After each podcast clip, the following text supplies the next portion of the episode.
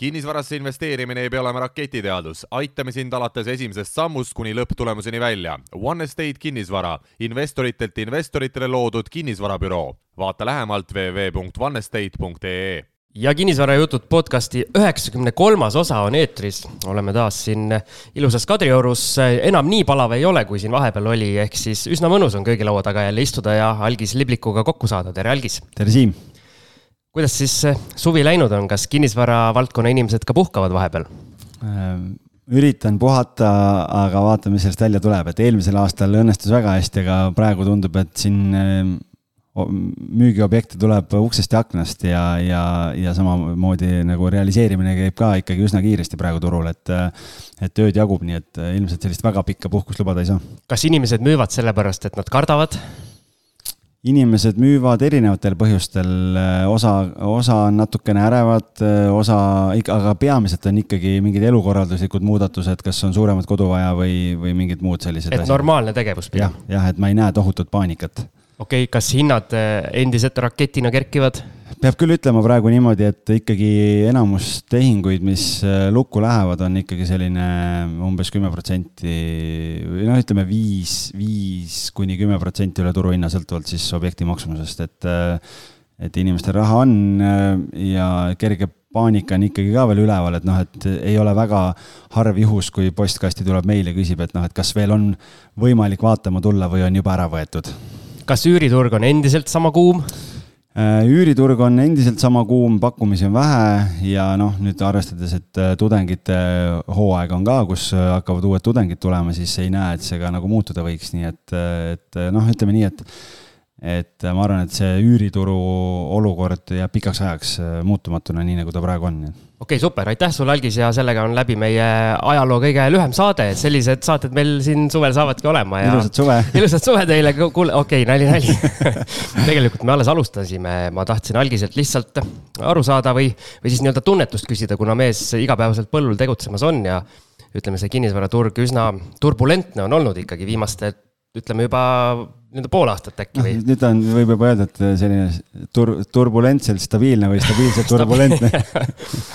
Okei eh, meil on täna selline saade üle pika aja, kus me nii-öelda lämiseme või laliseme siin kahekesi.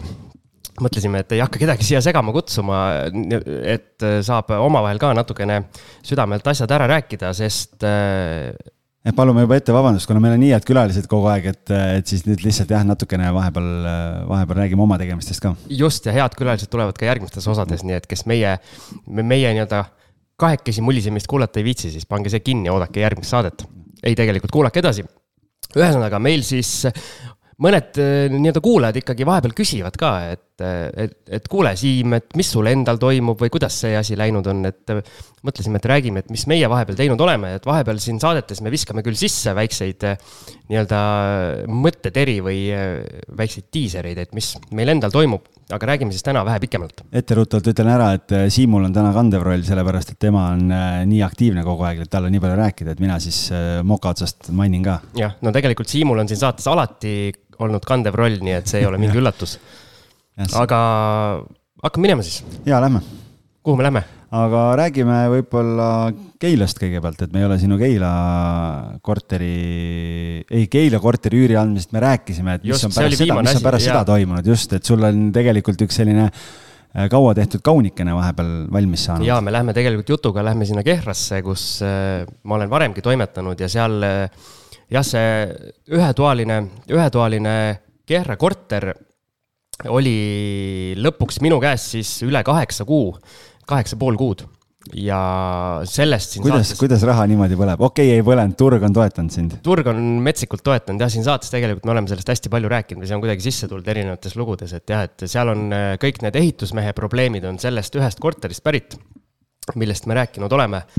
ja põhimõtteliselt räägime siis uuesti lahti, aga see on see korter, mille ma kunagi ostsin oksjonilt selle me vist boonusosas ka rääkisime konkreetselt ära, et äh, läksin seal natukene hasarti, maksin äh, selle eest äh,. ma, ma nüüd alghinda ei mäleta, see oli nii ammu, aga ma arvan, et see oli kuskil kahekümne, kahekümne tuhande juures oli see alghind, nii. kuna ma sealsamas majas olin, see mu esimene nii-öelda flip see kahetoaline Kehra korter oli täpselt sealsamas majas, samas äh, koridoris, samal korrusel, põhimõtteliselt kaks ust eemal. siis äh, ma arvasin, et ma tean, mis või mis hinnaga ma tahaks seda korterit osta ja mis, mis hinnaga kannataks nagu osta.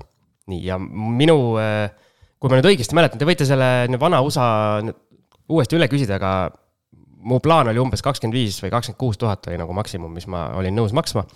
Ja sain selle korteri siis kahekümne seitsme tuhande ühesaja euroga. ehk siis natukene läks nii-öelda läksin hasarti ka. kes meie külalistest äh, siin saates käis ja ütles, et tema, ma ei mäleta, kas ta pakkus ka või mõtles pakkuda, kellega ma siin võidu pakkusin? meil on nii palju külalisi. meil on palju külalisi, aga mäletad, keegi oli Villi ei olnud see või? ei, Villi ei olnud, see oli, me tegime veel seal Geeniuse stuudiotes, sest see oli päris ammu. ühesõnaga, meie püsikuulajad kindlasti Kristel praegu. Tandre ei olnud. vist oli jah, meie püsikuulajad seal raadiot taga praegu karjusid, et kuidas te ei mäleta, see oli see. aga ühesõnaga, ühesõnaga siis äh, sain selle korteri kätte ja siis hakkasid äh,, hakkasid pullid asjad alles pihta. sest äh, ütleme nii, et ma olin seda korra aa, ei, ma ei olnud seda vaatamas käinud, ma läksin seda vaatama siis, kui ma läksin võtmete järele. ja siis tuli välja, et, et ta oli nagu enam-vähem sellises konditsioonis visuaalselt, nagu ta piltidelt oli. aga kui tapeeti hakkasid ära võtma, siis enamus tapeeti tuli koos seinaga. ehk siis äh,. sai naabrile tere öelda?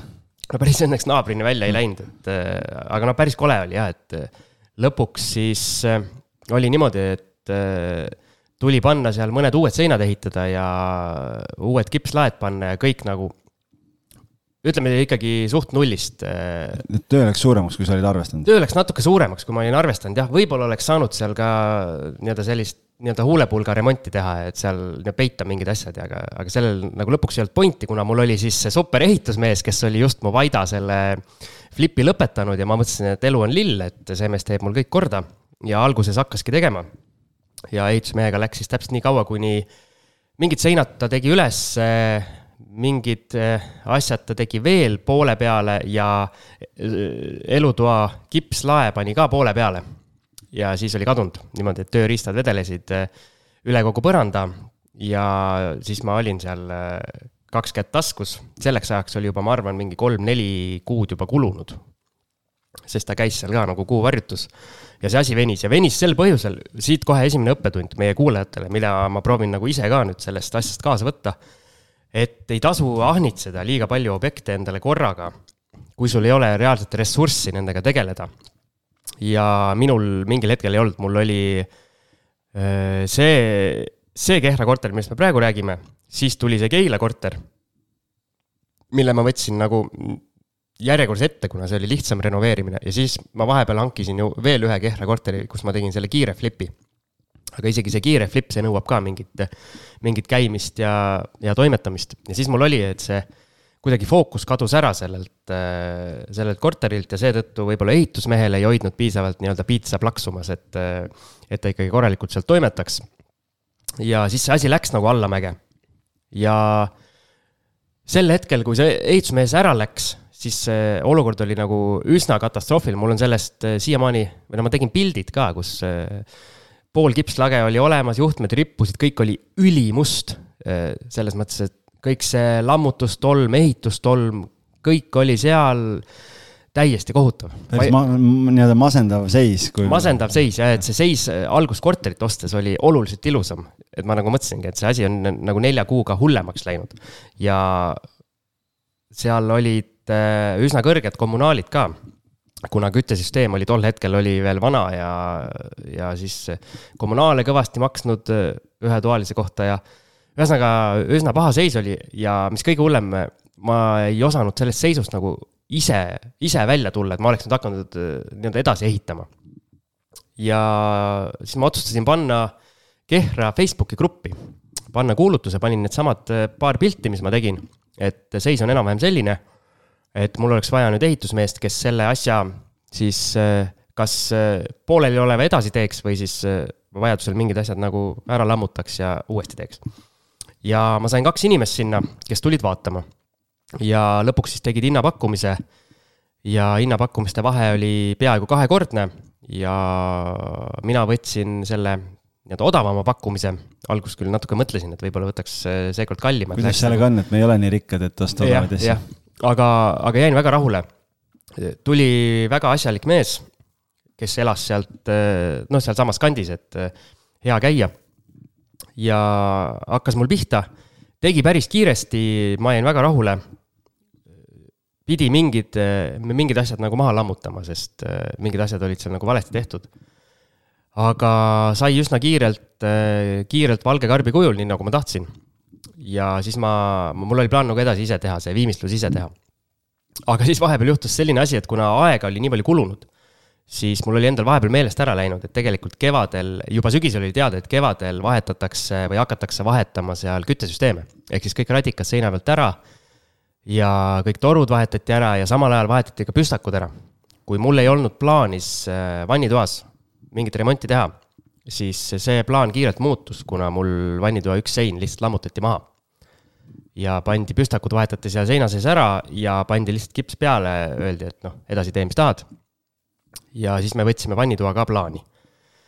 aga no lõppkokkuvõttes see töö siis tuli sellele ehitusmehele juurde, aga siis tal olid uued objektid peal, aga kuna ta seal ligi elas, siis ta käis nagu õhtuti ja nädalavahetustel tegemas vaikselt aga tegi ka üsna kiirelt ära, et ka selle nii-öelda teise kogemusega temaga jäin väga rahule ja siis läkski niimoodi, et samal ajal, kui minul korter valmis sai, said ka uued radikad seina, said äh, nii-öelda püstakud vahetatud, ehk siis maja iseenesest äh, noh, minu meelest äh, nii maja kui selle korteri väärtus ja see pilt, mis sealt vastu vaatas ka oluliselt kasvas. et selles mõttes läks hästi. mis hästi ei läinud, oli see, et selline väike nüanss, et meil oli plaan niimoodi, et kui vanad radikad maha võetakse, et me teeme kiirelt eh, need radikatagused ka korda, enne kui uued radikad seina pannakse, sest need vanad malmradikad olid suuremad kui need uued. ja siis need radikatagused olid väga koledad, no sihuke nagu kuumaastik, mingi suvaline, ma ei tea, mis seal tehtud kunagi oli aga, aga mingid vene, vene mehed seal neid töid tegid ja sel hetkel, kui meie läksime nagu radikatagusid põhimõtteliselt tegema, siis olid juba uued radikad seinas ja nu, nu, nu, nu oli põhisõna. ja siis jäigi niimoodi, et natukene seal üritasime kuidagi seda asja päästa. aga õnneks seal on kardinad ees ja ma arvan, et see radikatagune nüüd kõige hullem, hullem puudus ei ole sellises odavama otsa ühetoalises korteris no ja tegelikult äh, nojah, uutele radikatele ei panda, aga tegelikult ma olen näinud isegi vanadele malmradikatele tehakse väga ilusad sellist puidust äh, katteid ette.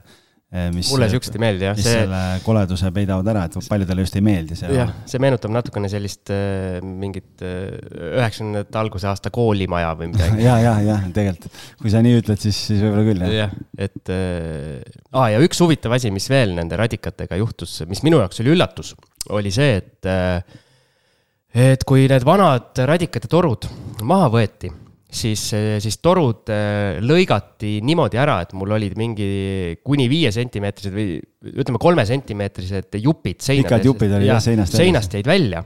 Ja öeldi, et aga nemad ei saa seda seina ligidalt äh, nii-öelda tõmmata, kuna see on tuleoht ja nemad ei vastuta selle eest ja siis oli, mina läksin äh, ehituspoodi, ostsin endale, ostsin endale relaka ja läksin seal, hakkasin, äh, hakkasin kärsatama. hakkasid ise tulekahju tegema? hakkasin ise seal jah, möllama ja siis äh, nüsisin äh,, nüsisin ära ja tegin seinad korda, et selleks ajaks oli mul see valge karp juba valmis, ehk siis äh, see oli ka nagu väike tagasilöök minu jaoks. ma alguses nagu ei saanud aru, kuidas te teete nagu, et te jätate ja. ja viltu kustus... ka veel kuidagi suu, ma olen, sa näitasid mingit pilti mulle. jah, need olid nagu, nagu, ma arvan, relakaga lihtsalt nii-öelda kõige mugavamalt nagu oli. mööda nagu minnes kuidagi. lõigatud maha jah, siuksed teravad otsad olid alles, et ja kusjuures enamus inimestel need, needsamad otsad turitavadki ju nii-öelda kõigil välja, vaata, kes ei ole hakanud nii-öelda remonti tegema ja mul oli veel niimoodi, et mul oli nurgapealne korter ja siis elutoas olid kahes kohas ja, või isegi kolmes kohas vist.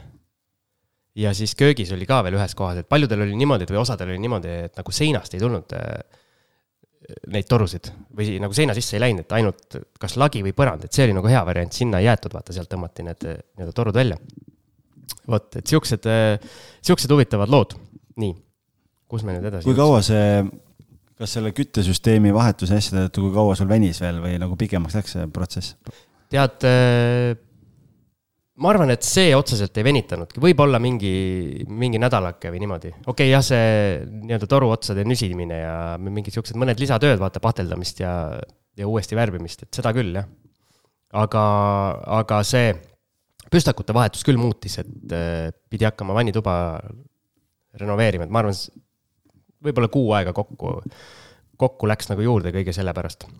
aga ma ise nagu lõppkokkuvõttes olen rahul, kuna ikkagi noh, oluliselt modernsemaks. hea, et, et, et sellele ajale sattus mm, -hmm. et sa ei teinud niimoodi, teed remondi ära ja siis kaks kuud hiljem antakse teada, et no nii, nüüd tuleme. just, et seal oligi probleem selles, et osad elanikud, nad ei olnud nagu arvestanud sellega, et neil ei tehta päris korda, vaata. ja võib-olla seal natukene vist äh, kuidagi majas ka või nagu tööde tellimise ajal ka mingi möödarääkimine oli üksteisest, et noh, oligi kokkulepe selline, et vannituba, kui on vaja lõhkuda, lõhutakse ära, pannakse lihtsalt nagu sul nii-öelda tavaline kips peale ja siis vaata ise, kuidas sa viimistled, et noh. ja kui inimestel on eh, niimoodi plaadid pandud vaata seina ja, ja siis, eh, kui see ikkagi ära lõhutakse ja siis. pool seina on plaat ja pool on just, kips, et see näeb päris sihuke. no mul täpselt nii oligi, et selles mõttes eh, ma pidingi kogu selle ühe plaaditud seina nagu maha võtma ja, ja siis uuesti tegema kuidas äh, sul oli see sisustusega ka seal mingi huvitav case, et, äh, et kas sul köögiga ei olnud mitte mingi teema seal? aa ah, jah, jah, ma sinna veel ei jõudnud. Äh, seal oli see, enda tehtud vead siis ütleme, hakkame, hakkame siis endale piitsa andma, aga ma tellisin kõigepealt äh, IKEA-st vale mõõduga köögi. Kuidas see juhtus siia? juhtus see niimoodi, et äh, see oli nüüd vist äkki kolmas kord, kui ma, kui ma kasutasin seda IKEA, IKEA valmislahendust, mis on neil see kõige odavam lahendus, aga üsna paindumatu. ehk siis sul on mingid, mingid pikkused nii-öelda kuuekümne sentimeetri kaupa, mida sa saad seal nii-öelda muuta. ja üsna paindumatu värk, aga minu meelest hinnakvaliteedi suhtelt just sellise odava otsa korteritesse ideaalne valik, kuna seda annab ise kokku panna ja, ja kui sa ongi millegagi mööda paned, siis noh see ei, see ei tõmba sul finantsiliselt nagu mingit hullu, hullu auku sisse. aga ma muidugi panin kõige konkreetsemalt mööda, mis ma panna sain. Äh, mõõtsin mitu korda. ja oma arust, arust mõõtsin kõik õigesti, aga läksin liiga, liiga nagu, äh, liiga täpseks. ehk siis ma arvasin, et äh, see saja kaheksakümnene köök mahub mul täpselt sinna ära. aga tuli välja, et ei mahu sellepärast, et kui see kokku panna, siis ma ei saanud seda sinna sisse. ja, ja kuna see oligi see, suurem osa oli ühest tükist, siis mitte mingit moodi eh, ei saanud, eh, ei saanud seda sinna paika. ja mul olid seinad kõik juba tehtud, vaata, viimistletud ja kõik ja siis ma seal natukene lõhkusin ühte seina ära ja siis ma mõtlesin, et ma ei saa nagu noh, ma ei saa lolli mängida, et mul on pärast seinad on puruks, kui see köök on vaata paigas. ja siis ma otsustasin, et ma tellin, eh, müün nagu selle maha Facebooki marketplace'is ja jätsin ainult selle suurema, selle tööpinna ja siis natuke kompunnisin seal mingeid, mingeid asju ja tegelikult tuli päris ilus lõpuks. oli oluliselt lihtsam endal ja ma olin väga, nii-öelda väga rahul, et ma, et ma kiirelt otsustasin, et ma, et ma ei hakka nagu suruma seda kuidagi sinna noh, nii-öelda täpsesse auku siis. ja see sai õnneks korda, aga jah, noh, ütleme mingi paar-kolm-nelisada eurot võib-olla lossi sealt tuli aga, aga ka sihuke õppetund.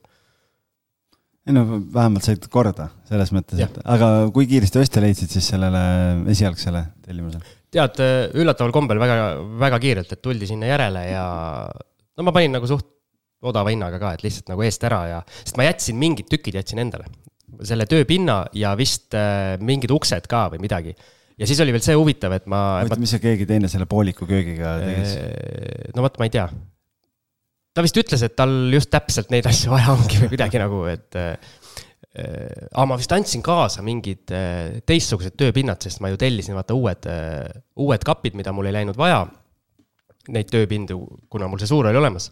ja siis oli see huvitav asi, et täpselt sel hetkel, kui mul oli vaja neid uusi asju tellida, sel hetkel mingid äh,, mingid detailid äh, nii-öelda kadusid seal online poest ära, nagu igal kombeks on, et mingid nagu populaarsemad asjad vahepeal kaovad ära nagu ja siis ma mõtlesin, mida ma teen, et kas ma ootan või ma siis, eh, või ma siis mõtlen midagi välja. ja siis ma tegingi niimoodi, et ma, mul oli Keilast üle jäänud täpselt eh, vajalikud uksed, ehk siis ma tellisin sama kapi teistsuguse viimistlusega nii-öelda ustega ja panin lihtsalt need, mis mul Keila korterist üle jäid. ehk siis selles mõttes ideaalselt nagu mängis kätte, et, et ma sain kasutada vanad jupid ära ja, ja siis ikkagi, ikkagi kiirelt nagu see on nagu liitintress on ju, et igal äh, objektil jääb midagi üle ja lõpuks saad ühe korteri köögi tasuta, sellepärast nii palju juppe on. äh, jaa, aga nüüd on see, et kõik need jupid on üle, üle kogu Eesti laiali, et ma ei tea, kus keldris mingid jupid on. et see asi läheb keerulisemaks iga korraga.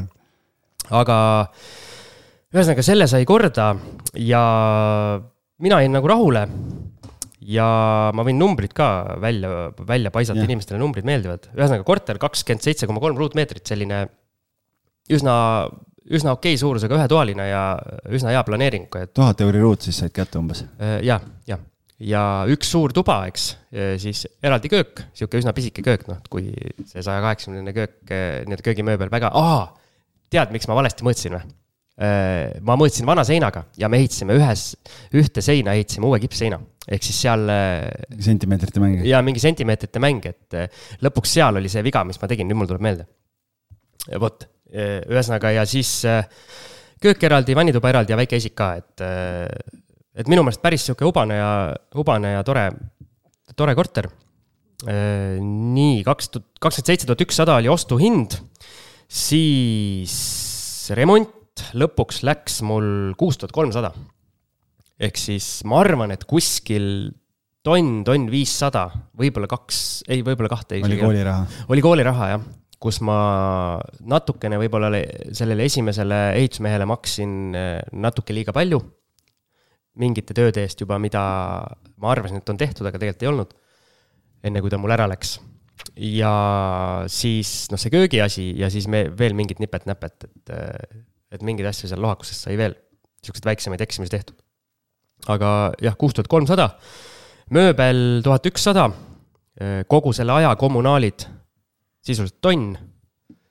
ja noh, tehingukulud ka mingi üle kahesaja natukene, ehk siis kogukulu tuli kolmkümmend viis ja pool tuhat suures plaanis. ja hindamisakt tuli pärast nelikümmend tuhat. ehk siis mu esimene plaan oli flip ida.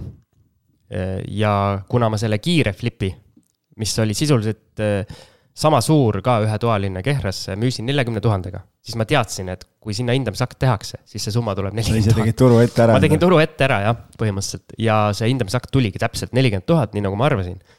ehk siis ta flipina oleks tulnud ka noh, nii-öelda positiivne, aga, aga arvestades seda kaheksat kuud, arvestades seda meeletut eh, nii-öelda vaimset ja füüsilist ressurssi, mis sinna sisse läks, siis sealt võtta mingi kolm pool tuhat või neli tuhat eh, eurot nagu kasumit. okei okay,, võib-olla oleks saanud neljakümne kahe tuhande viiesajaga müüa või mis iganes, kui oleks aega või no viitsinud oodata natukene, et turg lihtsalt nii palju toetas.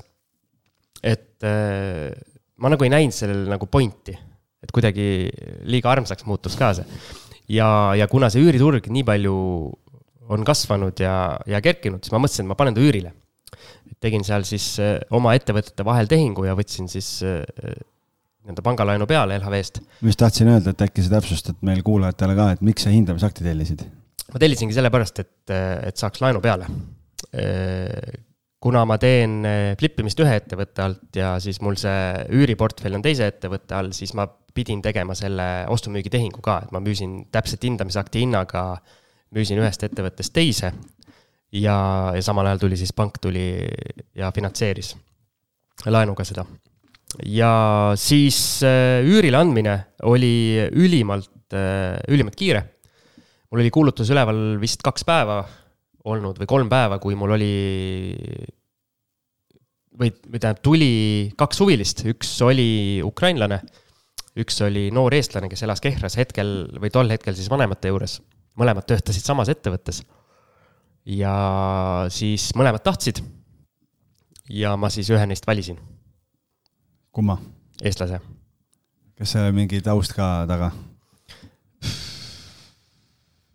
no ütleme nii, et äh, kui oleks ainult see ukrainlane tulnud, siis ma oleks temaga, nagu tema ka valinud. seal oli lihtsalt see, et tal äh, oli mingi, mingi case, et tal tuli pere, pidi millalgi järele tulema, ma täpselt ei saanud aru, millal ja ma ei täpselt ei saanud aru, kui suur see pere on. siis oleks väikseks jäänud see korter lihtsalt. minu meelest küll jah, et aga, aga see kutt oli nagu niimoodi, et ta töötab Kehras, elas seni Kehras äh, ja, ja tahtis nagu lihtsalt üksi elama minna, siis, äh, siis nagu tundus, või no kuidagi klappis paremini ja, ja sellest siis selline valik. hind? ja, jah, üürihind palju? kolmsada kakskümmend viis. Not bad. Not bad at all, ütleks mina, sest ja.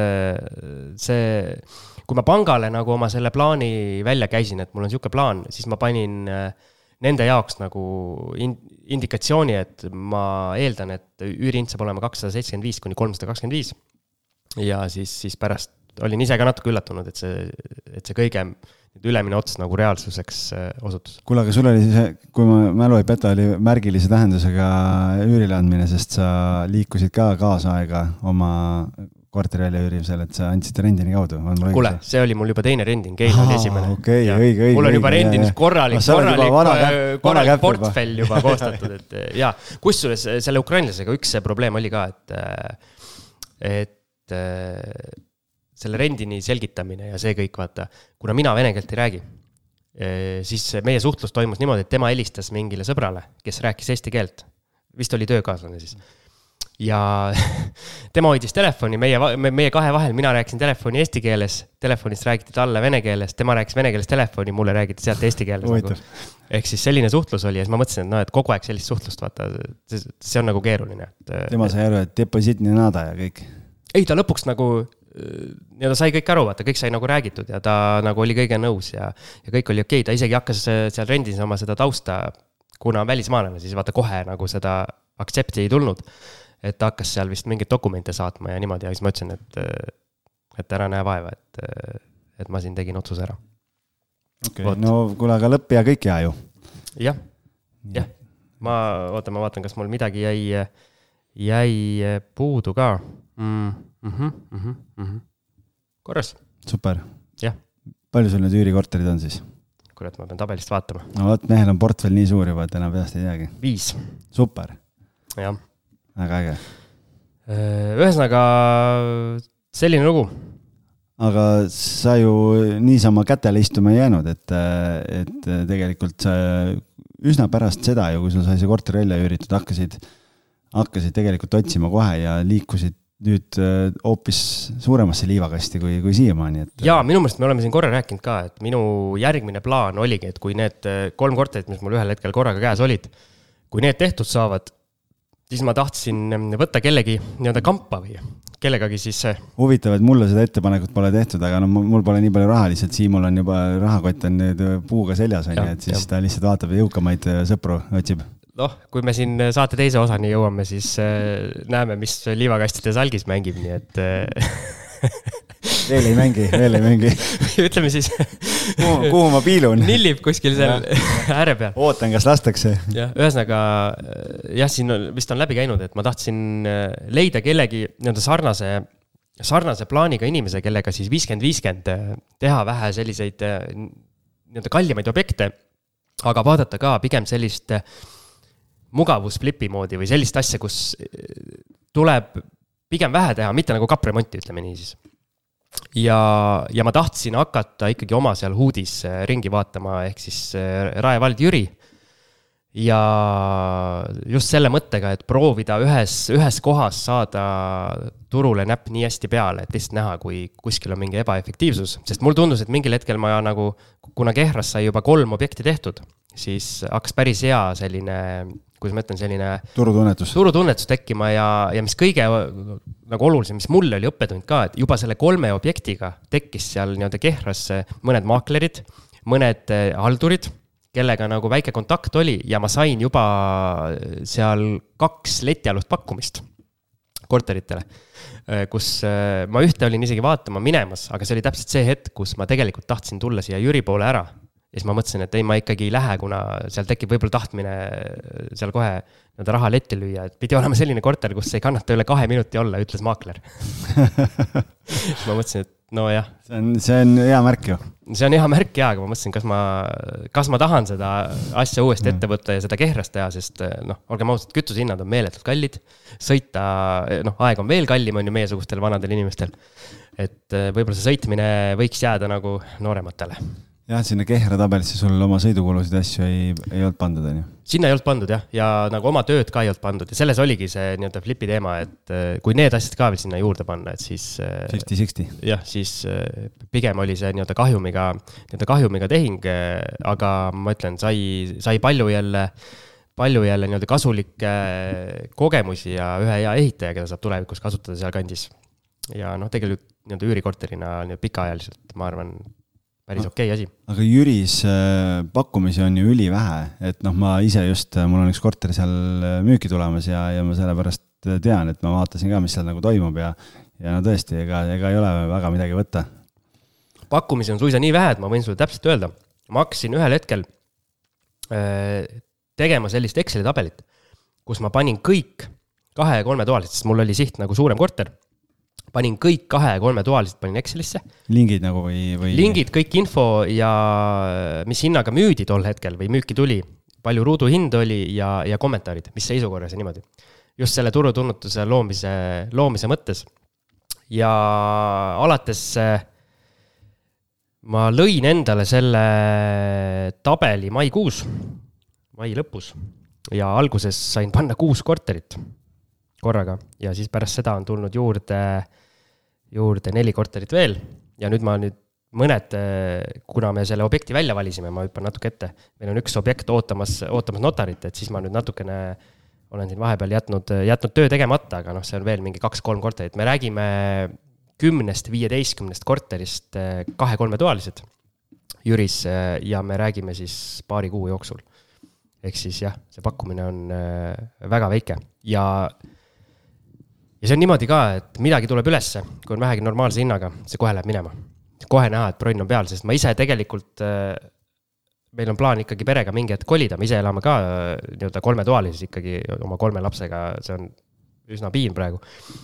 ja kuna ma ei taha sealtkandist ära minna, siis ma otsin nagu või nii-öelda jälgin, äh, mis toimub nagu üldse seal ja kõik, mis tuleb, kõik kohe läheb bronni ka ja ma vaatasin ka, et seal oli, siis kui mina analüüsi tegin, oli ka jah, paar tükki oli bronnis, et äh, aga jah, jälle pakkumisi oli ka niimoodi, et et ikka igal pool on huvitav vaadata, et noh, äh, Maa-ameti statistikat vaatan, siis äh, vaatasin neid hindu asju, siis vaatad, et alati mingi üks vend on, kes on läinud seda kuldkalakest püüdma, et noh, vaatasid seal umbes, et ma ei tea, keskmine, keskmine ruuduhind oli seal võib-olla sihuke või noh, äh, ütleme kaks tuhat seitsesada, äh, kaks tuhat kaheksasada euri ruut vist oli kõige kallim müügitehing tehtud ja siis mingil tüübil oli kuulutus üleval kolme tuhande neljasaja euroga ruutmeeter. et noh, läinud kaks, kakskümmend prossa üle turuhinna nagu katsetama, et me oleme siin rääkinud Vaidast, seal Vaidas on paar korterit äh, alates sellest hetkest, kui mina oma selle esimese Vaida üürika ostsin.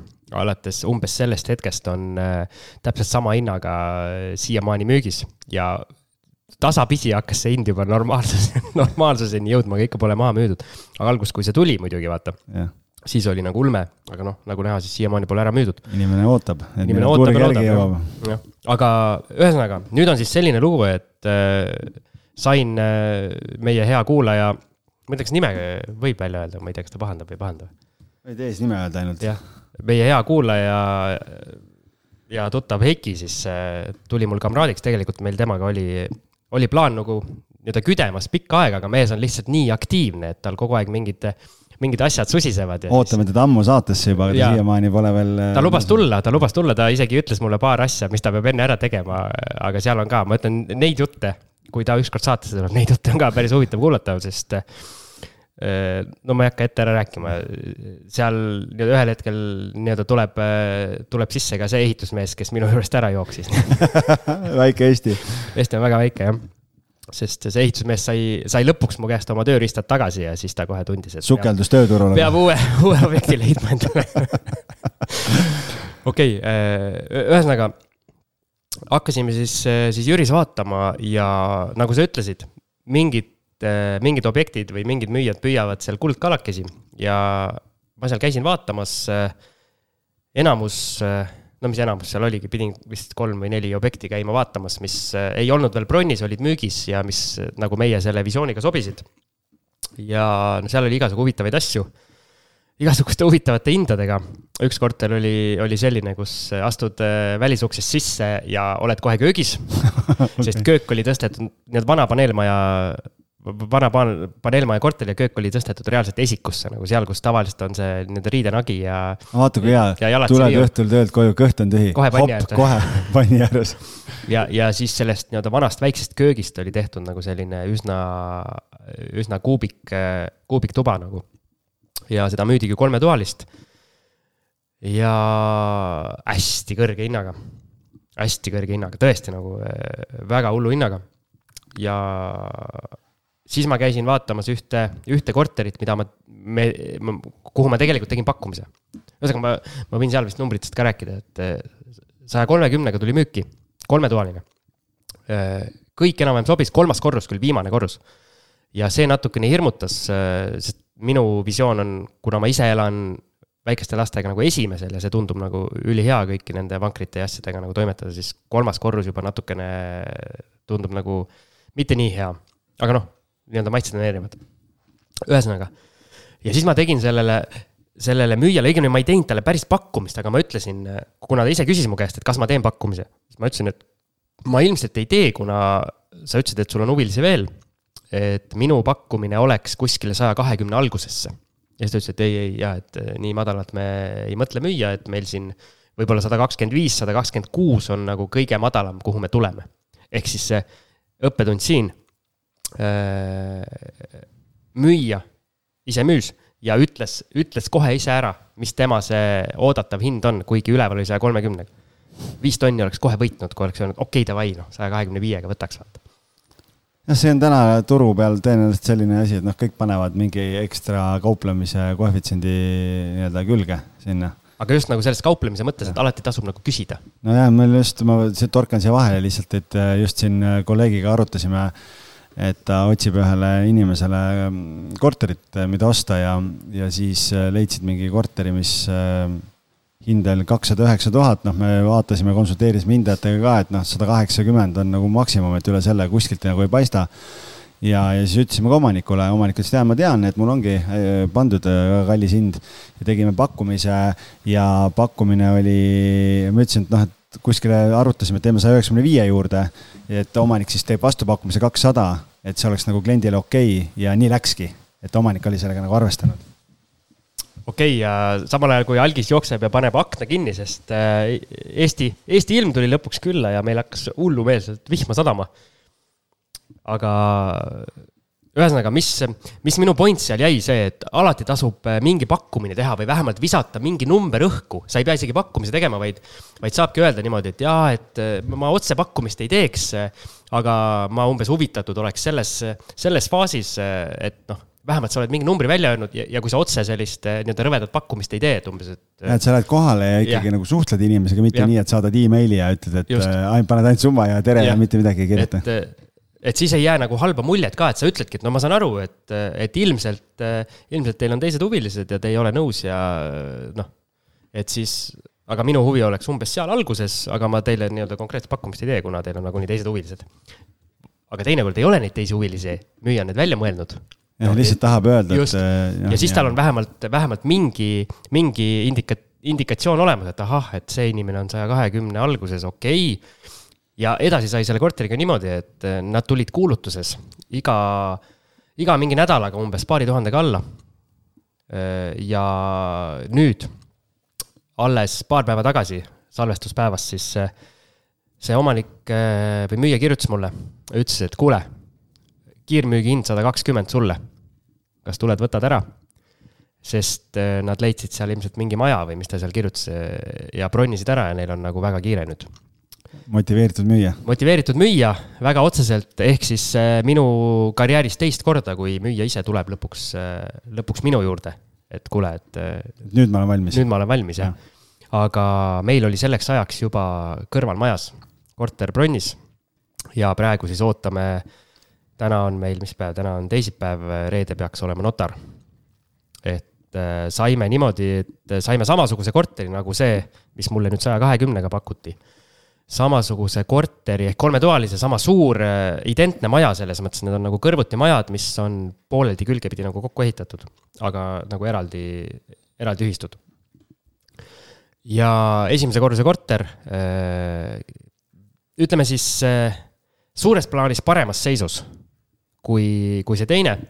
vahe selles, et äh, hästi kirju on, hästi kirju on äh,, kirjud tapeedid, värgid, algselt neid pilte ka näinud. pilte näinud ja siis ma ütlesin Siimule ka, et, et ma alati vaatan, imestan ja, mõtlen, et noh, et, et, et kas see on mingi konkurss või noh, et, et kellel on nagu kõige kirevamad toad või ma ei vaata seda tapeedid ja asjad, et. ja mõnes wow. toas ongi nagu kaks või kolm erinevat, kas siis kirju värvilist või hullu mustriga tapeeti nagu kokku kuidagi üritad miksida, siis on mööbel hästi kirju, noh ühesõnaga värvi on nagu. E-, väsitab ära. ja erinevaid värve on nagu hästi palju sisse pandud. ja me kohe Eikiga nagu mõtlesime, et oh, kui ilusa, ilusa heleda, valge, sellise mõnusa sellise pastellse asja sinna teeks, siis oi kui mõnus oleks vaadata ja ma arvan, läheks nagu rohkematele inimestele peale ka. vot ja see, see plaan meil ongi et äh, see kirju maha võtta ja teha selline mõnus rahulik, kas siis tapeediga või, või värviga, et vaatame, kuidas, mis need seinad seal, seal parasjagu kannatavad. super hea asi on see, et vannituba on nagu ülimalt luks, ülihästi tehtud ja, ja mõned asjad on veel seal nii-öelda ehituslikult väga hästi lahendatud, kus huvitav asi, mida ma ei olnud varem näinud, vanasti oli seal nagu ikka paneelikates eraldi WC ja eraldi siis vannituba ja oli tehtud niimoodi, et äh, oli sellest äh, WC-st oli tehtud tegelikult selline väike nagu kapp, nagu sisse kõnnitav, noh, selline minikapp nagu. Ja vannituppa oli ehitatud nagu, osa sellest kapist oli niimoodi, et oli nagu süvend WC-poti jaoks. ehk siis nagu kuidagi kogu see ruum oli minu meelest nagu ideaalselt ära lahendatud, sul ei ole nagu WC-poti jaoks väga palju ruumi vaja istudki sinna süvendisse, on ju, oled seal rahulikult, aga samal ajal. kui tukkuma jääd, on pea, saad pea vastu seina toetada. jah, aga samal ajal sul on esikus nagu selline päris normaalne selline nii-öelda konku moodi. Nagu. garderoob või selline. jah, sihuke garderoobi moodi asi, et, et väga kenasti oli tehtud ja väga hästi oli tehtud ja köök oli, oli väga viisakas. ehk siis köök ja vannituba olid väga head, seal ei tule suurt midagi teha. aga jah, need toad, seinad ja, ja värgid, et seal tuleb, seal tuleb natukene möllata, aga, aga ei ole mingi noh kaugel nagu kappremondist, et pigem selline nii-öelda kergem viimistlus. aga mis see ajaline plaan on või mis teil plaan on, teete nüüd kahekesi siis teete ise või võtate mingi ehitusmehe ikka peale, et mis, mis äh, esialgne plaan? plaan on ise teha ja teha võimalikult kiiresti. noh, me nagu proovimegi, nii-öelda proovimegi, et kui me nagu mõtlesime, esialgne plaan on kõik nii-öelda viiskümmend, viiskümmend teha, et eks me vaatame, kuidas see asi hakkab sujuma, vaata ja siis näemegi, näemegi, kuidas see koostöö toimib, aga, aga siiamaani on kõik väga hästi läinud. notarit pole veel olnud selleks hetkeks, kui see osa eetrisse läheb, selleks hetkeks, ma loodan, on meil korter käes, siis läheb mõned nädalad veel ja siis me peaks selle kätte ka saama. olete mingi ajalise eesmärgi ka pannud endale? tead, ei olnud, ma arvan, et kui me selle kätte saame, siis me, siis me paneme ja teeme need asjad ära. et seal oleneb, äh, esimene otsus saab olema see, et kas me jätame või lähme ka tapeedi peale või siis võtame tapeedid maha ja teeme nii-öelda seinad värvime ära, et see nii-öelda töömaht on üsna erinev. ja peab siis nagu vaatama, et kas selle suurema töömahuga saab nagu oluliselt parema, parema tulemuse ka või mitte. et siuksed otsused on vaja teha, aga eesmärk on siis flipina teha. loodame, et turg äh, hullult ei pöördu enne sügist. et saame selle enne sügist äh, müüdud ja ah,, ja seal, seal korteris me saime ka tegelikult äh,, mina ei tahtnud alla küsida. see oli äh,, ei olnud avalik pakkumine, see oli äh, mitteavalik pakkumine ja. kust see, kust see mitteavalik pakkumine sinuni jõudis? no Facebookist, noh, see oli selles mõttes, ütleme siis poolavalik, see ei olnud üheski ah,. pandi Facebooki gruppi, et paneme müüki ja, oma kodu ja, ja, ja. ilma piltideta lihtsalt, et umbes, et lisainfo saab postkasti või mm -hmm. no sihuke tekstikuulutus nagu. ja juba selle peale tuli väga palju huvilisi aga ma usun, et äh, ma usun, et kui nad oleks müünud äh, portaalis, nad oleks saanud oluliselt parema hinna. ja meie saime sealt veel tuhat viissada alla küsida, mina ei tahtnud küsida, ma tahtsin minna nagu selle hinnaga, mis nad tahtsid. aga Heiki ütles, et ei no igal juhul küsime, et muidu ei ole nagu õige asi, vaata, kui sa ei küsi nagu alla. ja siis kohe läksime niimoodi, peale vaatamist läksime korra autosse, rääkisime omavahel ja siis äh, siis kirjutasin sellele omanikule tagasi, ütlesin, et me tuleks kohe tagasi ja teeks teile nii-öelda pakkumise ka ja tegime sealsamas diivani peal äh, nii-öelda pakkumise ära. ja siis nad võtsid päeva mõtlemisaega ja järgmisel päeval ütlesid, et davai. seda plaani ei olnud, et äh, lähete eraldi ja siis üks teeb ühe pakkumise ja teine teeb teise ja lõpuks äh, siis mm.. ei viitsinud hakata tsirkust tegema vot ja nüüd siis. ja võeti pakkumine vastu, ei tehtud võeti, vastu pakkumist? ei, võeti vastu jah mm. -hmm. et no meie nii-öelda trump oli ka see, et me nagu tuleme ilma pangata, et põhimõtteliselt kohe võib notari panna ja anname tuld. no super, selles mõttes on äge, et noh, ja kuna mul tuleb just üks korter müüki ka, see on küll uuemas majas, et see ei ole, ei ole vanas paneelikas, et aga eks ma aitan turgu ette teha teile natukene, et mida, mida paremat tööd ma teen, et siis selleks ajaks, kui teil valmis on, on, on juba näha, et see ja. nokk on ülesse. Jüris. sul on ka kolmetoaline seal? ka kolmene, jah. no vot, jah viiskümmend üheksa ruutu vist. noh, siis on isegi võib-olla nii-öelda üsna, üsna samas plaanis, kuigi jah, maja on meil vanem nagu. okei okay,, väga.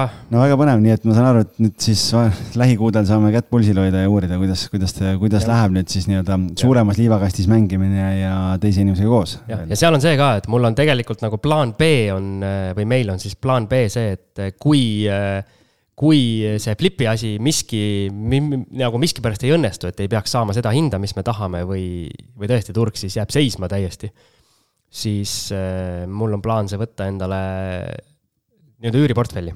samamoodi ma, nagu ma selle Kehraga tegin, sest minu pikaajaline plaan on ikkagi saada seal Jüris nii-öelda Äh, ahah, tahad. kinnisvara kinnisvara moguniks. paruniks saada. paruniks jah et, et tulevikus need ühe, need väiksed ühikud nagu suuremate vastu välja vahetada, et kui nad kunagi on nii-öelda pangalaenud ära maksnud endal.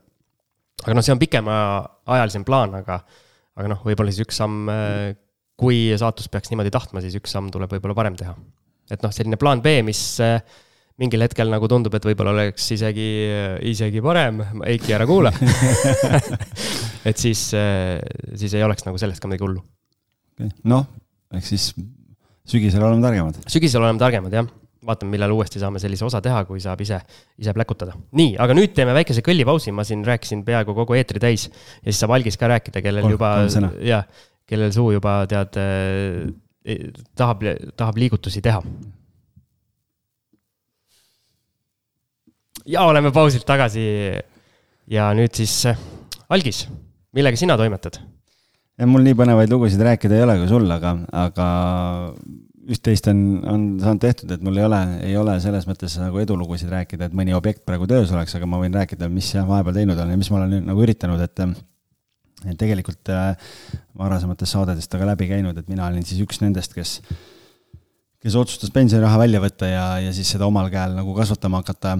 et ma arvan, et ma, et ma suudan ise seda suuremat äh, väärtust luua ja, ja siis äh, elu teeb huvitavaid käike, et, äh, et tegelikult oli plaan ikkagi samamoodi mingi korter võtta ja, ja, ja kas esialgu Flipiga oli kaks varianti samamoodi. abikaasaga arutasime, et kas Äh, hakkame Flipiga kasvatama või võtame kohe ikkagi üüri ja, ja nii-öelda, et las ta olla ja, ja kasvatame sealtpidi, aga kuidagi see, see Flipi mõte tundus nagu parem. ja siis, aga noh, lihtsalt äh, kuna meil sellist kogemust nagu Siimul on ja siin need abikaasaga koos käivad tegemas ja nii edasi, et äh, noh, meil sellist kogemust ja kompetentsi ei ole, et me peaks seda nagu teistmoodi tegema, siis, siis äh, nagu liiga agaralt sellega nagu pihta ei hakanud, aga siis elu veeretas sellise võimaluse kätte, et ähm, ühe ühe inimese kaudu avanes, tuli info, et äh, mul kodu juures tuleb müüki üks suvila. ja, ja, ja tegelikult oligi, oligi nii-öelda noh, ütles, et, et äh, kuna see inimene, kes, kelle kaudu see info tuli, ütles, et tema nagu hoolitseb selle eest, et käib muru niitmas ja toimetab seal et siis äh, ma ütlesin, et oot, ma tulen vaatan üle, et võib-olla saab, võib-olla saab aidata kas müügiga või ma ütlesin, tegelikult nagu mul esmane huvi on see, et ma, et ma tahan osta. Äh, ja käisin kohapeal ära, vaatasin üle, et äh, väga hea koha peal, selline tuhandene kinnistu, selline amortiseerunud suvila oli peal. ja omanik tuli ka kohale ja vaatasime üle ja, ja siis ma ütlesin talle otse, et noh, ma tahan ise osta ja noh, et tõenäoliselt selle maja ma võtan äh, maha, et ta on ikkagi sellises seisukorras, et noh, ta ütles ka, et ta on ise selle mingi nelikümmend pluss aastat tagasi ehitanud ja ega seal oli näha, et ega sinna väga palju nagu vahepeal värskendust tehtud ei olnud ja ja, ja siis ähm, kohapeal rääkisime ja ma ütlesin, et noh, et, ähm, et ma olen valmis ostma hindamisakti väärtusega. et, et kui talle sobib see ja ma ütlesin, et noh, ma olen jälginud sealset turgu ja, ja tegelikult ka aasta alguses hindajaga suhelnud seal mingite kinnistute osas, kus siis oli info, et noh, et et kuuskümmend tuhat, alates kuuekümnest tuhandest hakkavad need sellised amortiseerunud suvilatega kinnistute hinnad aga noh, kuna turg poole aastaga on edasi läinud, siis ma ütlesin, et noh, tõenäoliselt ta jääb sinna, sinna seitsmekümne kuni üheksakümne tuhande vahele. et äh, ta ütles, et jah, et ma olen ise ka vaadanud äh, portaalidest, et umbes nii ta võiks nagu olla. ja, ja siis ma ütlesin, et okei okay,, et noh, et, et, et aga noh, et ma, ma ostaks hindamisakti hinnaga, kui see on okei okay,, talle sobib, ta ütles, et jah, et, äh, et, et see on okei okay ma ütlesin, et okei okay,, ma siis tellin hindamise ära ja noh, äh, broneerida ju ei saanud, sellepärast et tehingu hinda ei teadnud, muidu oleks äh, ära broneerinud, oleks äh, tingimustes kokku leppinud.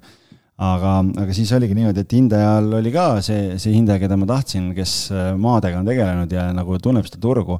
tal oli ka järjekord ja siis ta sai vist mingi nädala-pooleteise pärast alles tulla, käis ära ja, ja siis kuskil lõpuks vist oli kolm nädalat umbes sellest meie kohtumisest, kus ma sain selle hindamisakti kätte ja see hindamisakti väärtus tuli seitsekümmend viis tuhat.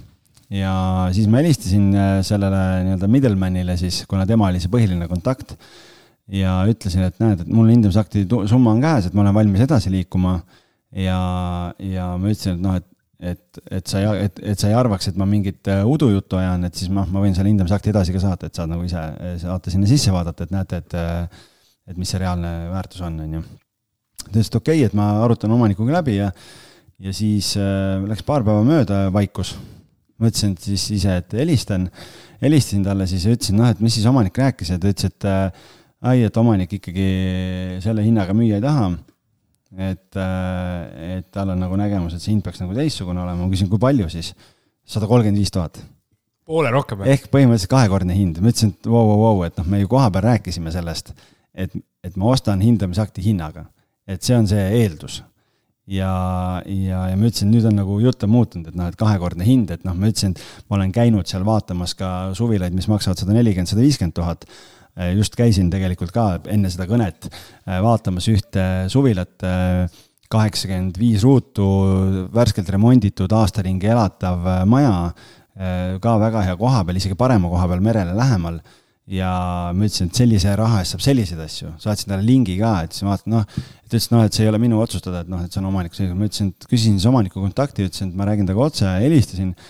ja siis järsku selgus, et ma ei tea siis, kas see naine või, või keda ta nagu partneriks nimetas, ütles, et noh, et mul siin partner jah, on nagu ka, tunneb natukene siin kinnisvaraturgu ja tema ikkagi ütleb, et noh, et, et, et kui suvila maha võtta, et noh, et siis sellise kinnistu hind, et noh, see on nagu see reaalne väärtus, ma ütlesin, et hindamisaktis on võrreldavad tehingud välja toodud. et, et see on, see on panga jaoks tehtud asi, ma ütlesin, et ei, see on minu jaoks tehtud ostjana, et, et see läheb küll panka jah aga et, et see näitab seda, milliste hindadega tehinguid on tehtud, on ju.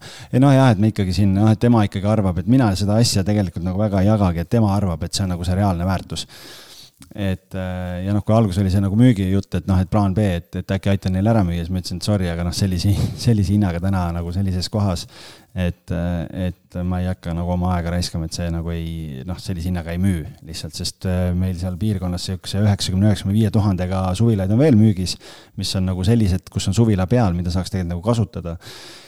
Ja mis see mõte üldse oli, miks ma tahtsin osta seda tegelikult, võib-olla sellest ka natuke taustast, et esimene mõte oli selles, et et panna sinna mingi väike maja peale, selline viiekümne, kuuekümne ruudune maja ja, ja, ja teha, panna Airbnb-sse, et noh, kodu lähedal ja tegelikult kuna abikaasale sisustamispool pakub huvi ja ta on siin mingeid kursuseid võtnud ja asju, et tema saab ära sisustada selle ja, ja tal on hästi ilus käekiri et nagu teha mingi selline hästi hubane, mõnus väike, väike majakene mere lähedale, kus siis inimestel on võimalik tulla, see oli plaan A. nii, siis kui hindaja ära käis seal äh, hindamas, siis ma huvi pärast lihtsalt küsisin ta käest, et kuule, et äh, et mis hinnaga, kui ma tegelikult paneksin niisuguse sajaruuduse maja peale, et mis hinnaga siis seda müüa saaks ja siis see, kui, kui, kui ta ütles mulle selle hinna, mis hinnaga praegu müüakse neid äh, maju seal meie kandis siis mul tulid dollari, dollarimärgid tulid silme ette ja ma hakkasin kohe mõtlema selle peale, et okei okay,, et võib-olla mõne investoriga koostöös nagu teha siis nii, et panna sinna mingi moodul või element maja peale äh, suurem, äh, teha see kinnistu hästi ilusaks ja müüa, müüa siis ta nagu majana maha. et äh, aga noh äh,, ma juba võtsin mingid ma-, moodulmajade pakkumised, asjad kõik juba enam-vähem vaatasime nagu, mis, mis mudeleid, asjad ja, ja mingid pakkumised olid postkastis olemas. aga noh, need olid ka väga seinast seina, et selles mõttes ma sain ka päris huvitava kogemuse. et, et seal on ka ikkagi nagu tuleb vaadata, kelle käest võtta ja mida võtta, et, et väga erinevad pakkumised olid ja siis äh,, aga noh, sinna see jäi siis ja, ja praegu ma olen vaadanud ringi, aga noh, ei ole väga, väga midagi sellist äh, ahvatlevat nagu silma jäänud, et äh, et lihtsalt mingit suvilat osta, kus äh, on selline okei okay suvila peal, et seda hakata pikaajaliselt välja üürima, seda huvi mul nagu ei ole, et eesmärk oli või mõte oli, et Airbnb-s teha ja, ja vaadata, et, et mis see tulemus on. Aga sest noh, ise ma näen, et kui käia kuskil perega puhkamas, siis tegelikult nagu kõik sellised majad on nagu täis bronnitud ja, ja meil oli kinnisvarajuttude õhtu ka ju, kus tegelikult seesama suvilate teema tuli ka väga tugevalt seal lauale ja väga mitmed erinevad inimesed rääkisid, et nad on seda poolt piilunud ja, ja kellelgi oli seal kogemusi ka. et see andis nagu veel seda kindlust juurde, et tegelikult seda poolt võiks nagu, nagu uurida ja vaadata aga, aga sinna see nüüd jäi praegu, nii et, et tegutsen edasi, vaatan, kas, kas loodetavasti lähiajal leiab midagi. kas see poole kallimaks vahepeal läinud suvila on siiamaani müügis see ei ole veel müüki tulnudki, kuigi Aha. sellest on juba, ma ei tea, varsti saab kuu aega vist mööda, nii et, et ju nad mõtlevad seal, sätivad hinda. ahah, aga äkki on juba müüdud? ei no see kuulutus pole ülessegi tulnud veel, ma ei usu, et nad, noh, ma ei ole, võib-olla on müünud kuskil letialusena ära, aga noh, siis palju õnne sellele inimesele, kes sellise hinnaga selle ostis, nii et, et ma ei oska muud öelda. aga siis ma tean, et siis, kui kodulähedased suvilad sult kodulähedaselt murda ei õnnestu siis, siis lähed kaugemale jah, no tegelikult äh, teine selline avalik saladus on see, mille üle Siim siin on äh, hammast eritanud. ilkunud. jah, et on see, et ma ikka unistan, unistan mingist sellisest äh, kortermajast või, või sellisest äh, üürimajast, üürimajast jah, et äh, ja olen tegelikult Tallinnas sõitnud ringi, kaardistanud ära ja mingid majad kirja pannud, suhelnud omanikega, mõni ei vasta midagi, mõni ütleb, et ei ole huvi müüa, kuigi maja on kohe-kohe kokku kukkumas seal ja noh, mingid erinevad sellised asjad et siis, siis sinna see, sinna see Tallinn nagu jäi ja siis jah. ma siin nüüd torkan sulle vahele, me just äh, paar päeva tagasi käisime lastega ja naisega ämma juures, kes elab seal äh, nii-öelda lääne pool ja sõitsime Rummust läbi, seal on päris palju kortermaju, kus äh, aknad paistavad läbi ja. no vot, me rääkisime üks saade siin, sa Just. ei teadnud, noh jah. mine on..., mine ainult äh, haara üks maja ja hakka, hakka tegema. jah, no siin mulle meenub meil äh, üheksakümne esimese saate külalise Mihkel Heliste sõnad, et kui sa näed, et mingi X6 seisab maja ees ja enamus korteritel on aknad katki visatud ja mingid asjad, et noh, et siis peab nagu, nagu kolm korda mõtlema, et mis seal nagu toimub, et et ei, aitäh, sellist, sellist äh, huvi hetkel ei ole, et ma nii avantüristlik ei ole. ja nii rikas sa ei ole? jah, nii rikas ei ole, jah. ja, ja siis äh, noh, kus sa siis ikka lähed, kui Tallinnas keegi müüa ei taha, kõik hoiavad küüned enda poole, siis ikka Pärnusse, kus natukene, natukene meil juba kogemust on ja kuna Ken on ka ju seal seda piirkonda tunneb, siis me võtsime ette et võtsin ette avalikud pakkumised, kaardistasin ära, mis seal meile huvi võiks pakkuda. Äh, lisaks äh, saatsin veel päringu välja, et otsime sobivat äh, mingit sellist maja või asja, mis sobiks siis nii-öelda, kas siis on toimiv majutusasutus juba võib-olla, et mõte oli selles, et noh kui vaadata selliseid klassikalisi mingeid hosteleid või, või mingeid selliseid üürimaju, siis, ähm, siis reeglina kipuvad nad olema sellised kahekümne aasta taguse sisustuse ja väljanägemisega, et mõtlesime, et noh, et võib-olla saab sealt nagu väärtuskasvu tekitada sellega, et teha, teha ka äh, remont ja, ja, ja saata sealt nagu seda, seda paremat tulemust, aga, aga ega sealt mitteavalikest nagu väga ei tulnud midagi, et paar üksikut asja, aga need ei olnud, ei olnud midagi erilist. ja siis äh, terve päeva võtsime, käisime Pärnus, vaatasime erinevaid asju ära ja tegelikult on väga põnevaid asju oli, mis nagu silma hakkasid ja, ja lõpuks leidsime ühe sellise, mis nagu ikkagi, kui nagu Excelit siin üht ja teistpidi sättisid, siis, siis ikkagi need numbrid, numbrid äh, olid päris paljulubavad ja me käisime seal isegi teist korda kohal äh,. kaks korda käisime vaatamas, teisel korral võtsime ehitusmehe ka kaasa ja, ja sealt saime nagu veel head sisendit ja oleme nüüd konsulteerinud siin veel mingite erinevate, erinevate kinnisvaraarendajate ja, ja mingite nii-öelda tuttavatega, kes, kes on ehituses nagu rohkem kursis, saime nüüd paika selle, et kui suur see eelarve meil peaks olema. et seal need korterid ära renoveerida ja, ja valmis teha, et siis äh, on jah, hetkel Pärnus üks kortermaja, millele me oleme teinud pakkumise ja millele me siis nüüd ootame vastust, et, et siin kolm-neli päeva tagasi see, see pakkumine välja läks. maakler vastas, et ta üritab omanikuga rääkida ja vaadata, sest me tegime ikkagi turuhinnast kakskümmend prossu müügihinnast alla pakkumise, et, et vaatame siis, kuidas see läheb, nii et äh, olen ootusärevil. mul on küsimus, kas äh selliste nii-öelda suuremate, suuremate tehingute puhul äh, ma eeldan, selliseid võrdlevaid tehinguid väga palju ei ole, nii palju kui korteritega, et kuidas, nagu mille järgi lõpuks need hinnad ikkagi, ikkagi nii-öelda võetakse, kas ongi see, et Excel ikkagi nagu äriobjektina Excel peab välja mängima, et siis, siis selle järgi pannakse see hind paika või? jah, et see on jälle selle jaoks, meie jaoks natukene nagu tricky koht, et, et noh, üks variant, mis me mõtlesime, on see, et okei okay,, pakume välja, et me tellime hindamisakti ja me ostame hindamisakti väärtusega. aga siis me mõtlesime, et aga äkki see tuleb rohkem kui see, mida me pakume ja, ja seda ideed ei tahaks nagu minna, ehk et meie lähtusime nagu sellest, et et me vaatasime puhtalt Exceli äriplaani baasil, et kuidas, äh, kuidas numbrid kokku jooksevad ja, ja noh, tegelikult seda nuputamist on seal selles mõttes nagu rohkem, et seal on nagu see potentsiaal veel, et äh, et seal võib-olla tulevikus on võimalus detailplaneeringuga äkki juurde ehitada teine maja veel äh, kinnistu peale. ja, ja siis äh, lihtsalt oligi see, nuputasime mitut pidi, niipidi, et, et noh, kuna meil endal nii palju kapitali ei ole, et me võtame, me oleme siin, on mingi ports investoreid, kellega ma olen nii-öelda hüpoteetiliselt rääkinud, et meil selline plaan on, suurusjärgud, millest me räägime, on sellised, et kas on huvi meiega koos teha, kui, kui me leiame sobiva objekti ja siis paar inimest on öelnud, et jah, et kui, kui on deal paigas, Excel paigas, et siis tule räägi ja, ja siis vaatame, et et kui suures osas äh, saab nagu kampa tulla, et äh, ja siis äh, ja siis oligi nagu seal erinevaid variante, et me esimene, esimene versioon oli see, et me lähemegi kohe otsa selle plaaniga, et me võtame, võtame panga kohe juurde. et, et pangaga koos teeme ära. aga seal on, ma ei saa liiga detailidesse minna, sellepärast et, et nagu võib-olla natukene vara selle jaoks, et kunagi, kui, kui need asjad tehtud on, siis saab nagu rääkida põhjalikumalt aga, aga siis me lõpuks jõudsimegi sinna, et, et tõenäoliselt me läheme hoopis seda teed, et me võtame, ostame selle maja ära nagu ilma pangata. Ja siis me hakkame renoveerima neid kortereid seal majas äh, panga finantseeringuga, et hakkame jupikaupa, võtame panga finantseeringu peale, teeme valmis, hindame ära äh, ja siis võtame uuesti niimoodi, teeme valmis selle, selle maja. Ja siis äh, kui see väärtuskasv tuleb nüüd selline, nagu me oleme planeerinud, siis on tõenäoliselt võimalus see, et me saame üldse pangalaenu kõik äh, tagasi maksta ja meil on see maja käes. ja siis tulevikumuusika on see, et et see järgmine etapp teha niimoodi siis, et, et selle esimese maja baasil võtame sinna uue pangalaenu peale ja teeme selle teise maja valmis, aga see teine maja, sellele me väga üldse ei keskendu praegu, eesmärk on see esimene maja kätte saada, valmis teha ja siis edasi vaadata.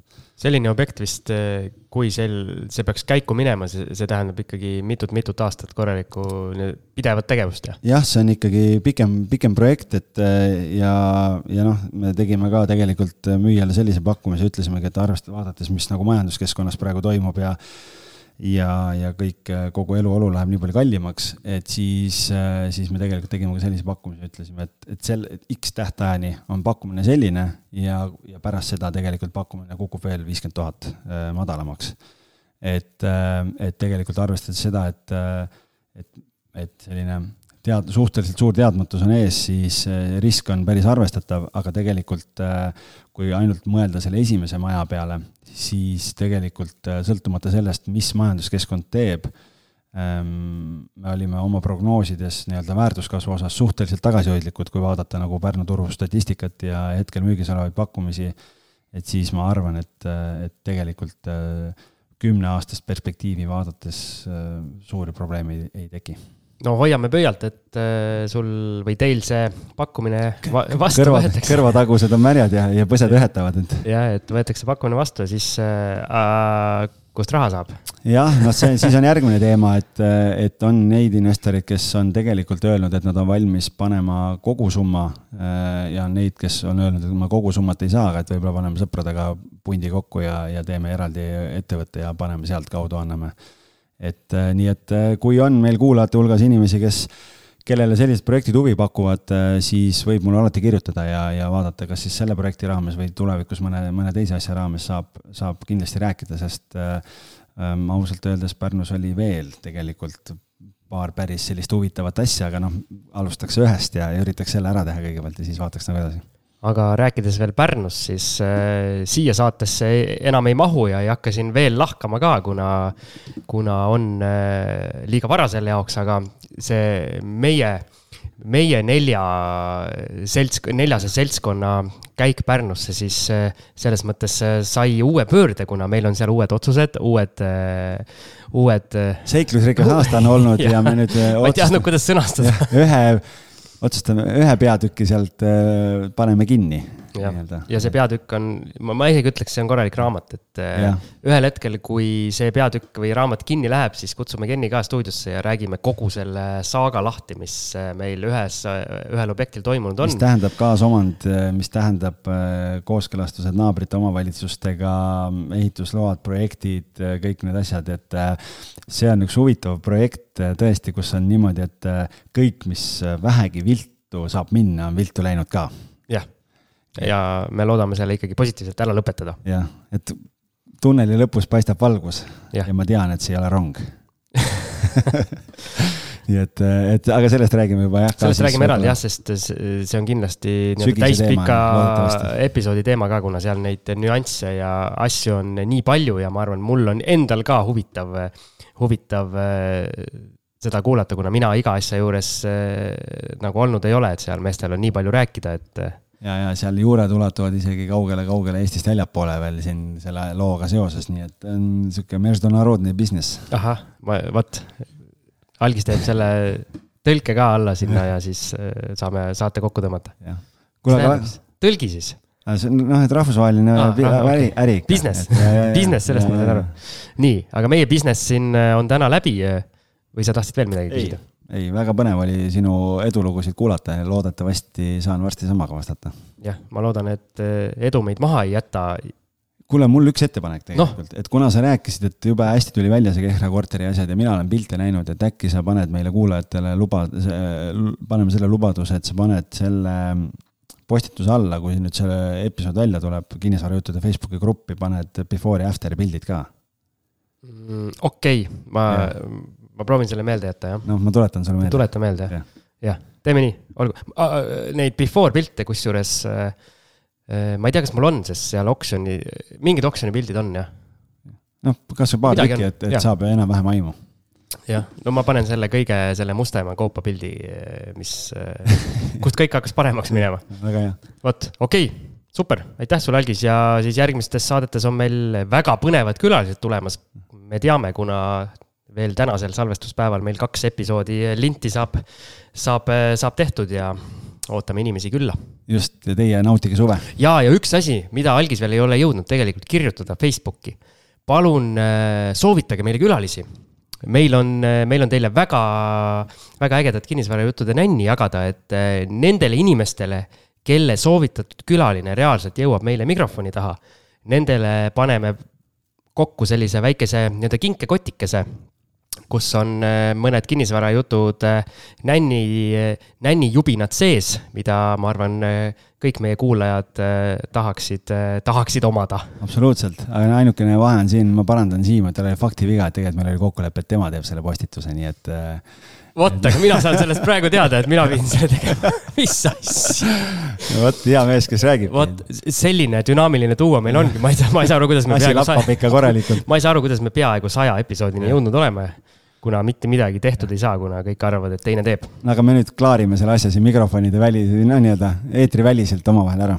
aga selge, kui see minu teha jääb, siis see loomulikult saab ka tehtud ja. erinevalt nii et ootame siis kõigi soovitusi ja. Äh, külaliste osas. ja, ja see soovitus peab niimoodi olema, et äh, või no ideaalis võiks niimoodi olla, et äh, teie kui soovitaja olete selle, selle inimese nii-öelda soojaks ka ja, et ta teab, et te soovitate. ja, et ta teab ja, et mitte ei tuleks nii, et umbes, et te ütlete, et kuule kümme tuttavat paned tanki ja siis äh, tegelikult. võtke selle inimesega ühendust ja see inimene äh, ei, ei tea ööd ega mütsi, kes me oleme või miks me, miks me talle helistame.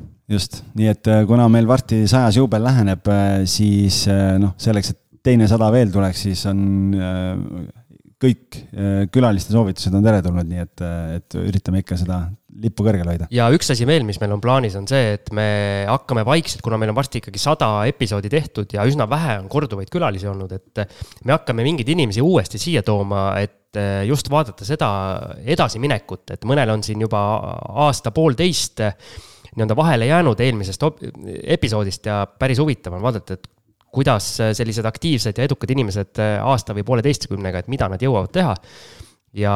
saladuskattel võin öelda, et osad kokkulepped on juba olemas ka. ahah, no vot, näed, isegi mina veel ei tea. jõuame, jõua, jõuame võib-olla siin esimese saja sees isegi veel ära. no vot, see on nii uus info, et mulle tuleb ka see uudisena, aga kirjutage meile seda ka, et meie senistest külalistest, keda te tahaksite näiteks uuesti, uuesti kuulata, kus meil jäi võib-olla midagi konkreetselt puudutamata, et julgelt kirjutage, joonistage meile ja siis me võtame. ja mingid teemad ka veel, et meil on jah. endiselt, me teame ise, et meil on mingid teemad on katmata, kindlustus ja mingid sellised asjad, aga et kui on mingeid teemasid, siis alati võib selles osas ka soovitusi anda ja paneme, paneme järjekorda ja vaatame, kust me leiame sobiva inimese, kes sellel teemal on ekspert ja, ja võtame pulkadeks lahti. jah, miks me seda tagasiside asja siin toonitame, kuna meil on vahepeal tulnud päris, päris meeldivat ja mõnusat, mõnusat tagasisidet, endal ka on nii-öelda kõrvad lähevad, lähevad punaseks. jaa, on täitsa tore, tervitan ka kõiki kuulajaid, kes, kes ühel või teisel põhjusel kirjutavad, nii et, et väga äge on, on neid kirju saada, aitäh. ja, ja kõigile nendele inimestele, keda Algis on näiteks saatesse kutsunud ja kes võib-olla natukene ennast siis, kuidas ma ütlen, nagu alahindavad või siis ärge, ärge mõelge selliselt, et, et, et mis nüüd mina. mul teie, pole ju ja, midagi rääkida. sest see tagasiside meie, mida meie saame, siis vastupidi, nii-öelda inimestele lähevadki kõige rohkem äh, ikkagi peale need, need inimesed, kes on neile kõige nii-öelda lähemal või selles mõttes. Äh, pigem väiksed tegijad. jah, ja et need väiksed tegijad, neid tahetakse isegi algajate poolt rohkem kuulata, kuna see tundub reaalne, mida nad teevad. et äh, Ergo Mõttused, Jaak Roosaared ja, ja kes siin äh, nii-öelda ülisuurelt teevad, et see on nagu motivatsioon hoopis teistpidi, aga mitte, mitte selles mõttes algajale, et ta ei suuda lihtsalt samastuda sellise inimesega kohe oma, oma algusfaasis. eile just käisin sõbra juures ja, ja siis tal on ka nii muuseas eas kaks üürikorterit tekkinud ja ma ütlesin ka, et kuule, tegelikult oli kokkulepe, et kui sa need kaks tükki välja saad üüritud, et siis tuled saatesse, siis tuli seesama asi. ah oh, ei no mis, mis asja, noh, et mis see kaks korterit ja noh, see nagu, ütlesin come on nagu, et tegelikult see on äge, et äh, sealt see ju kõik algabki. ei no kaks üürikorterit ja. on väga palju rohkem kui enamusel Eesti inimestel. no just, et, et, et ja neid inimesi on väga palju meie keskel, kellel on üks, kaks, kolm Äh, viis, nii et äh, kõik sellised inimesed on eriti oodatud. just, ja ma siin äh, viskan selle asja ka õhku, et minu Vaida Flipi korteri ära ostnud inimene, kes meid kindlasti kuulab ka. tervitame. tervitame, tema on ka meil mina sain aru, et ta andis meile lubaduse ühel hetkel saatesse tulla, ma loodan, et ta ise sai sellest samamoodi aru, aga ootame saatesse sel hetkel, kui ta oma nüüd selle nii-öelda teise projekti kunagi lõpetab. oi ja..., siis me saame Siimu ehituskvaliteeti kohe hakata analüüsima, äh, millised probleemid. ei olnud minu ehituskvaliteet, oli mu äh, selle ehitusmehe ehituskvaliteet, kellega asjad lappesse läksid. Okay. järgmisel objektil, aga too objekt minu meelest oli täitsa, täitsa kenasti tehtud okay.. aga jah, eks me siis saame üle küsida Siimul läksid põsed punaseks kohe, et jah. selle osa lõikame välja kindlasti väga põnev. nii, aga jah, nüüd on kõik need äh, nii-öelda teadvustused ka tehtud ja olge tublid, kuulake meid ikka edasi ja sajani on veel natuke minna. tšau. tšau. kinnisvarainvestoritele loodud kinnisvarabüroo, aitamised alates esimesest sammust kuni lõpptulemuseni välja. vaata lähemalt www.onestate.ee